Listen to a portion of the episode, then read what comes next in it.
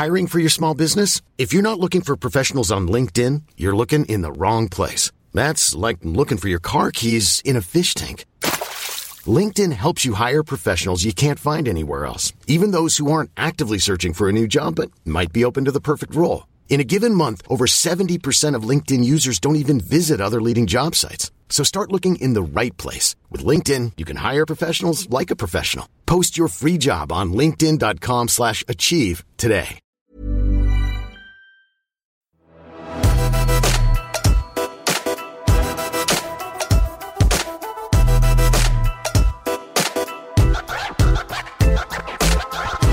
I marsutgaven av Oppgradert med Eirik Hans Petter, som ble innspilt 16. mars, så avslutta vi episoden med å si bl.a. følgende. Vi ses faktisk da neste uke, da for å diskutere og gå gjennom Apple-eventet. Det er fortsatt rykter. La, la meg dobbeltsjekke om ryktene nå er bekrefta, fordi det er jo egentlig bare å skrive inn Apple Event 2021, så skal da og nå viser det seg at eh, Eirik og jeg ikke kommer til å treffes 23.3 for å se på produktslippet til Apple og deretter spille inn en bonusepisode av Oppgradert. Rett og slett fordi det ikke blir holdt et Apple-event den 23. mars. Ryktene tok feil. Og det av sin naturlige årsak. For det var Apple selv som satte ut ryktene for å avsløre interne lekkasjer. Og skal jeg tro Apple Insider, så kommer den avsløringen fra en Apple-ansatt som var med på å spre ryktene selv. Altså De av oss som har fulgt Apple tett de siste årene, kanskje siden tiden før den første iPhonen ble sluppet, så er vi godt kjent med hvor tett til brystet Apple holder kortene sine. Apple er et svært hemmelighetsfullt selskap. Såpass lukket og hemmelighetsfullt at jeg f.eks. sammenligna Apple med Nord-Korea tilbake til 2013. Og det med at Apple er så lukket, ja, det har også ført til at mediene har vært utrolig ivrige i sin jakt etter da lekkede nyheter. Inkludert da når de neste Apple-eventene finner sted. Ikke minst er Apple sine eventer av stor interesse også fordi Apple selv aldri deltar på noen av de store konferansene, som f.eks. CES, South by, IFA med flere. Og I dette tilfellet har det ikke manglet på rykter om at det neste eventet skulle finne sted nettopp da 23.3. Derfor var jeg også veldig sikker i min sak om at Eirik og jeg ville treffe hverandre 23.3 for å ta for oss alle de nye produktene som da mange av lekkasjene da viste til. Men vi satser på at vi ses 23.3. Ja, for det går rykter om at det er et Det er veldig sterke rykter ja. om det. Også De er liksom type 90% pluss sikre på at det er snakk om 23.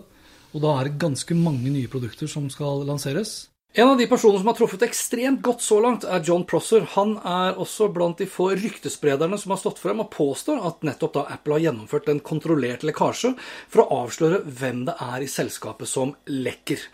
20.3 skriver jeg på Messenger til Eirik at det ser dårlig ut for neste uke.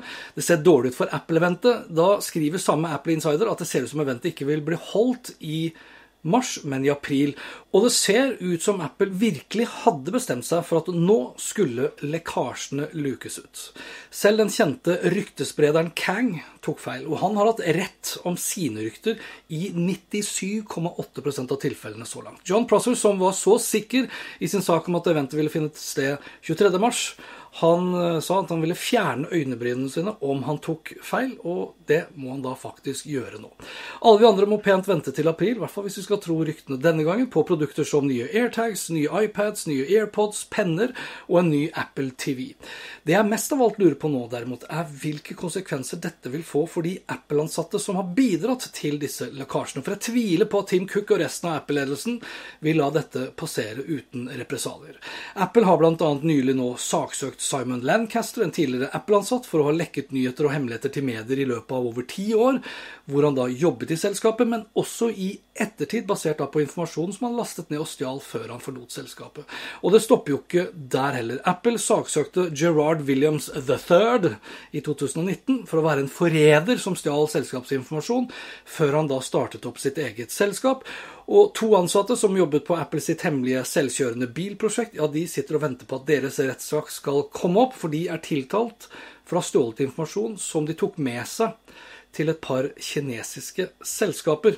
Så langt, da jeg spilte inn det her 22. mars, så er det intet nytt om noe Apple-event, verken for 23. mars eller i løpet av april på apple.com slash apple-events. Eirik og jeg får bare smøre oss med tålmodighet enn så lenge. Men når det blir offisielt, så kan du jo banne på at vi to kommer til å få det med oss. Vi kommer til å spille inn en bonusepisode av Oppgradert, slik at du får med deg hva som er nytt, og ikke minst da hva vi syns om de nye produktene. Vi ses!